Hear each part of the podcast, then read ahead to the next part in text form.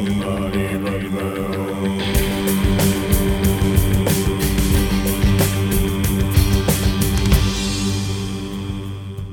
2006 roku Hollywood uraczyło nas filmem, który zapowiadał się na kolejną mało wymagającą komedię pod tytułem Idiokracja.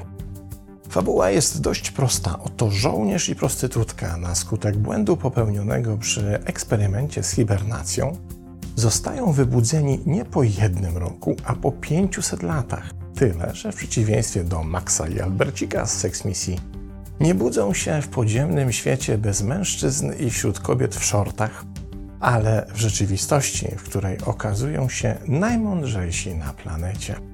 W czasie bowiem tych 500 lat nastąpiło nasilenie prokreacyjnego efektu, w którym najwięcej potomków pojawiało się w rodzinach najmniej inteligentnych, zaś wśród ludzi o wysokiej inteligencji prokreacja po prostu najpierw zwolniła, a potem ustała.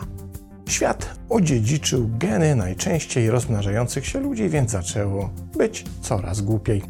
Rządzący, liderzy, przywódcy i w ogóle ci, co mają coś do powiedzenia, stawali się coraz mniej inteligentni, co skutkowało decyzjami ekonomicznymi, politycznymi czy społecznymi na poziomie Jasia z czwartej B.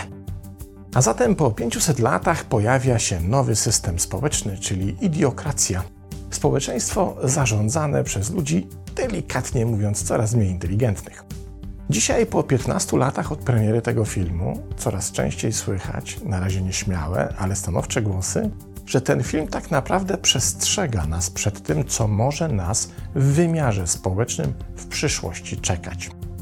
Czy zatem jest jakiś ratunek, by z pokolenia na pokolenie nie robiło się wokół coraz głupiej, coraz mniej wymagająco, coraz mniej lotnie, czy istnieje choć cień szansy na to, by koncepcja ja tego nie rozumiem, więc to jest źle wytłumaczone, zmieniła się na koncepcję ja tego nie rozumiem, więc muszę podciągnąć się w umiejętnościach kognitywnych?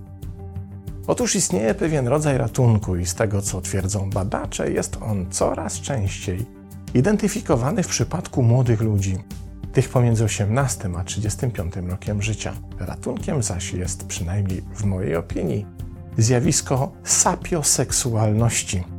Na tyle nowo odkryte, że jeszcze nie doczekało się szeregu naukowych badań, które pozwoliłyby nam nie tylko je dobrze zrozumieć, ale przede wszystkim odkryć jego prawdziwą skalę. Jak dotąd przeprowadzono jedno badanie tego zjawiska, a przynajmniej to jedno badanie jest najczęściej cytowane w naukowych opracowaniach. Ale zanim przejrzymy się jego wynikom, spróbujmy wyjaśnić, czym jest sapioseksualność. Nazwa czerpie z łacińskiego przymiotnika sapere, czyli mądry, lub rzeczownika sapientia, czyli mądrość. I teraz stało się jasne, co oznacza jedno ze słów w nazwie naszej fundacji. Samo zaś zjawisko określa sytuację, w której wysoki poziom czyjejś inteligencji jest uznawany przez inną osobę za jej najbardziej atrakcyjną seksualnie cechę, która to cecha dominuje wszystkie inne, w tym wygląd ze swoimi przymiotami płciowej atrakcyjności cielesnej.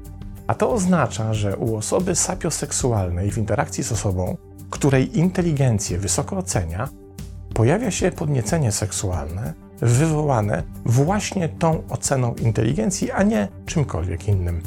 I tutaj warto wskazać na istotne rozróżnienie. Otóż w wielu badaniach mierzących zestaw pożądanych cech partnerki czy partnera u osób wchodzących w relacje lub w nich przebywających, często wskazywaną cechą jest inteligencja, co oznacza, że w zestawie przymiotników, którymi badani opisują swoje preferencje w doborze partnerów, inteligencja znajduje się zazwyczaj dość wysoko. Jednak po pierwsze, w rzeczywistych związkach te deklaracje już nie są potwierdzane, bo mogą je zdominować inne cechy, np. atrakcyjność fizyczna, poziom dochodów, stan posiadania czy pozycja społeczna. I działa to w dwie strony, czyli dotyczy zarówno kobiet, jak i mężczyzn. Jednak sapioseksualność nie polega na tym, że inteligencja jest umieszczana w zestawie pożądanych cech, ale na tym, że stanowi najsilniejszy determinant popędu seksualnego, który odsuwa na bok wszystko inne. Moglibyśmy powiedzieć, że w takiej sytuacji, w której mężczyzna spotyka jego zdaniem superinteligentną kobietę lub kobieta mężczyznę, to będzie ich do potrzeby zbliżenia popychała sama detekcja intelektu, zaś wygląd czy inne atrybuty nie będą tu miały większego znaczenia. Badania, o których wspomniałem, zostały przeprowadzone w Australii przez zespół doktora Gillesa Gignaka w 2017 roku i co od razu trzeba zaznaczyć, mają moim zdaniem dwie, ale za to poważne wady. Pierwszą jest wysokość próby, bo w tych badaniach przetestowano jedynie 383 osoby, co wydaje się odrobinę zbyt mało na solidne, statystyczne wnioskowanie. Drugą wadą jest operat pomiarowy inteligencji, do którego zastosowano wskaźniki poziomu IQ. Nie będę się już po raz kolejny znęcał nad testowaniem IQ, wątpliwym pochodzeniem tego pomiaru, ciemną i jednocześnie wstydliwą historią, która się z tym wiąże, oraz różnicą pomiędzy ocenianą przez te testy tak naprawdę umiejętnością szybkiego i logicznego kojarzenia faktów oraz zdolnością obliczeniową, a rzeczywistą inteligencją kognitywną, której dużo bliżej do zdolności adaptacyjnych niż matematycznych. Zainteresowanych tym fenomenem pozwolę sobie odesłać do dwóch książek, w których poświęciłem temu miejsce. Jednak z drugiej strony, mimo tych dwóch badawczych wątpliwości, póki co nie dysponujemy żadnymi innymi wynikami badań nad sapioseksualnością. Chyba, że coś pominąłem. Wtedy proszę o informację, bo chętnie rozszerzę swoją wiedzę. W każdym razie, badania australijskie ujawniły kilka ciekawych faktów. Stawiano na przykład przed uczestnikami następujące twierdzenia.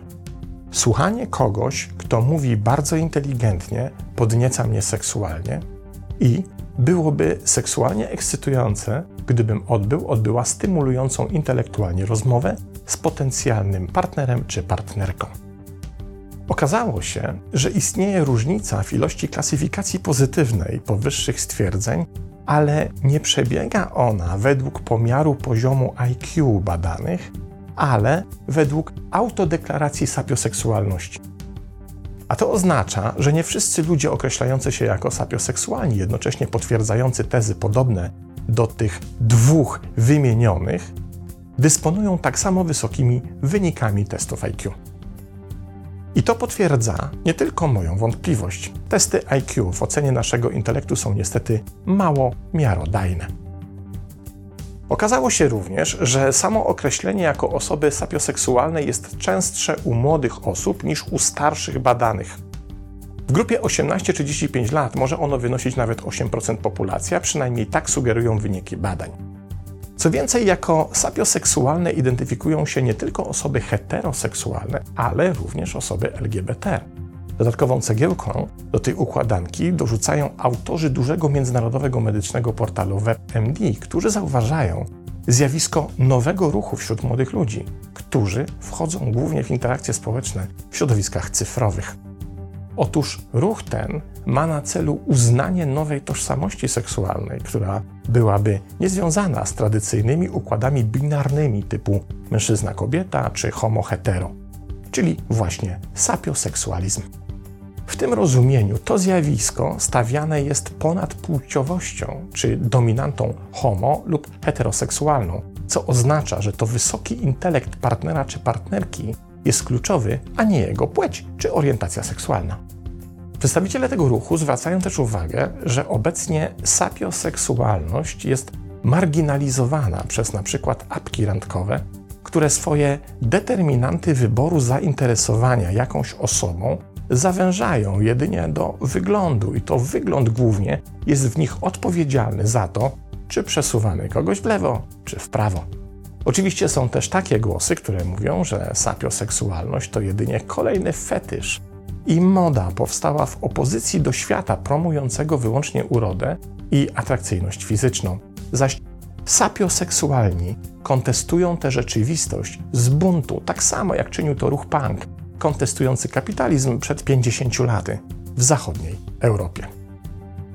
Zdaje się jednak, że albo zjawisko przybiera na sile, albo po prostu coraz częściej zostaje zauważone w tzw. Tak mainstreamie. W poszukiwaniach tematyki sapioseksualnej trafiłem na przykład na artykuł w Times of India, w którym znajdziemy 7 wskaźników pozwalających nam rozpoznać prawdopodobieństwo, czy mamy do czynienia z osobą sapioseksualną, czy też sami tacy jesteśmy. Podaje się tutaj, że związki sapioseksualne zazwyczaj powstają w oparciu o starą, długoletnią przyjaźń, w której partnerzy znają się od lat i najpierw ich połączyła przyjemność intelektualnych rozmów, która z czasem przerodziła się w namiętny związek. W takich związkach ma się również unikać gadki szmatki, prowokując partnera czy partnerkę do bardziej intelektualnych rozmów, bo small talk wydaje się im wyłącznie stratą czasu i marnowaniem intelektualnego potencjału. To, co według Times of India jest kolejnym znakiem rozpoznawczym, to pokora, która cechuje partnerów, będąca dla nich oznaką inteligencji, a więc postawa, w której to, że czegoś nie rozumiem, nie jest zarzutem dla osoby, której słucham, ale stanowi ważną informację zwrotną dla mnie samego, motywującą mnie do większej pracy nad sobą, zdobycia wiedzy, ćwiczenia umysłu itd. Tak w tym zestawie pojawia się również komplementacja procesu myślowego, czyli umiejętność doceniania tego, kiedy partner czy partnerka potrafi sformułować myśl czy sentencję, której trafność i poziom wywołuje uczucie intelektualnej satysfakcji. Jedną z kolejnych cech jest też wzajemne stymulowanie rozwoju, czyli sytuacja, w której partnerzy mogą się uczyć od siebie nawzajem i dzięki temu edukacyjnemu procesowi sami rozwijać. Budujące, prawda? Wprawdzie nauka dopiero stoi przed wyzwaniem zbadania i zrozumienia sapioseksualności, ustalenia w jakim stopniu to zjawisko jest związane z wiekiem, wykształceniem czy płcią biologiczną. Ale już teraz samo namierzenie tego typu cechy u młodych ludzi, przynajmniej dla mnie, stanowi sporą nadzieję.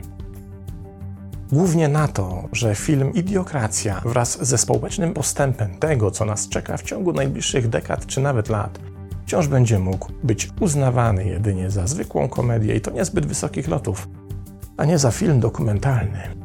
Pozdrawiam.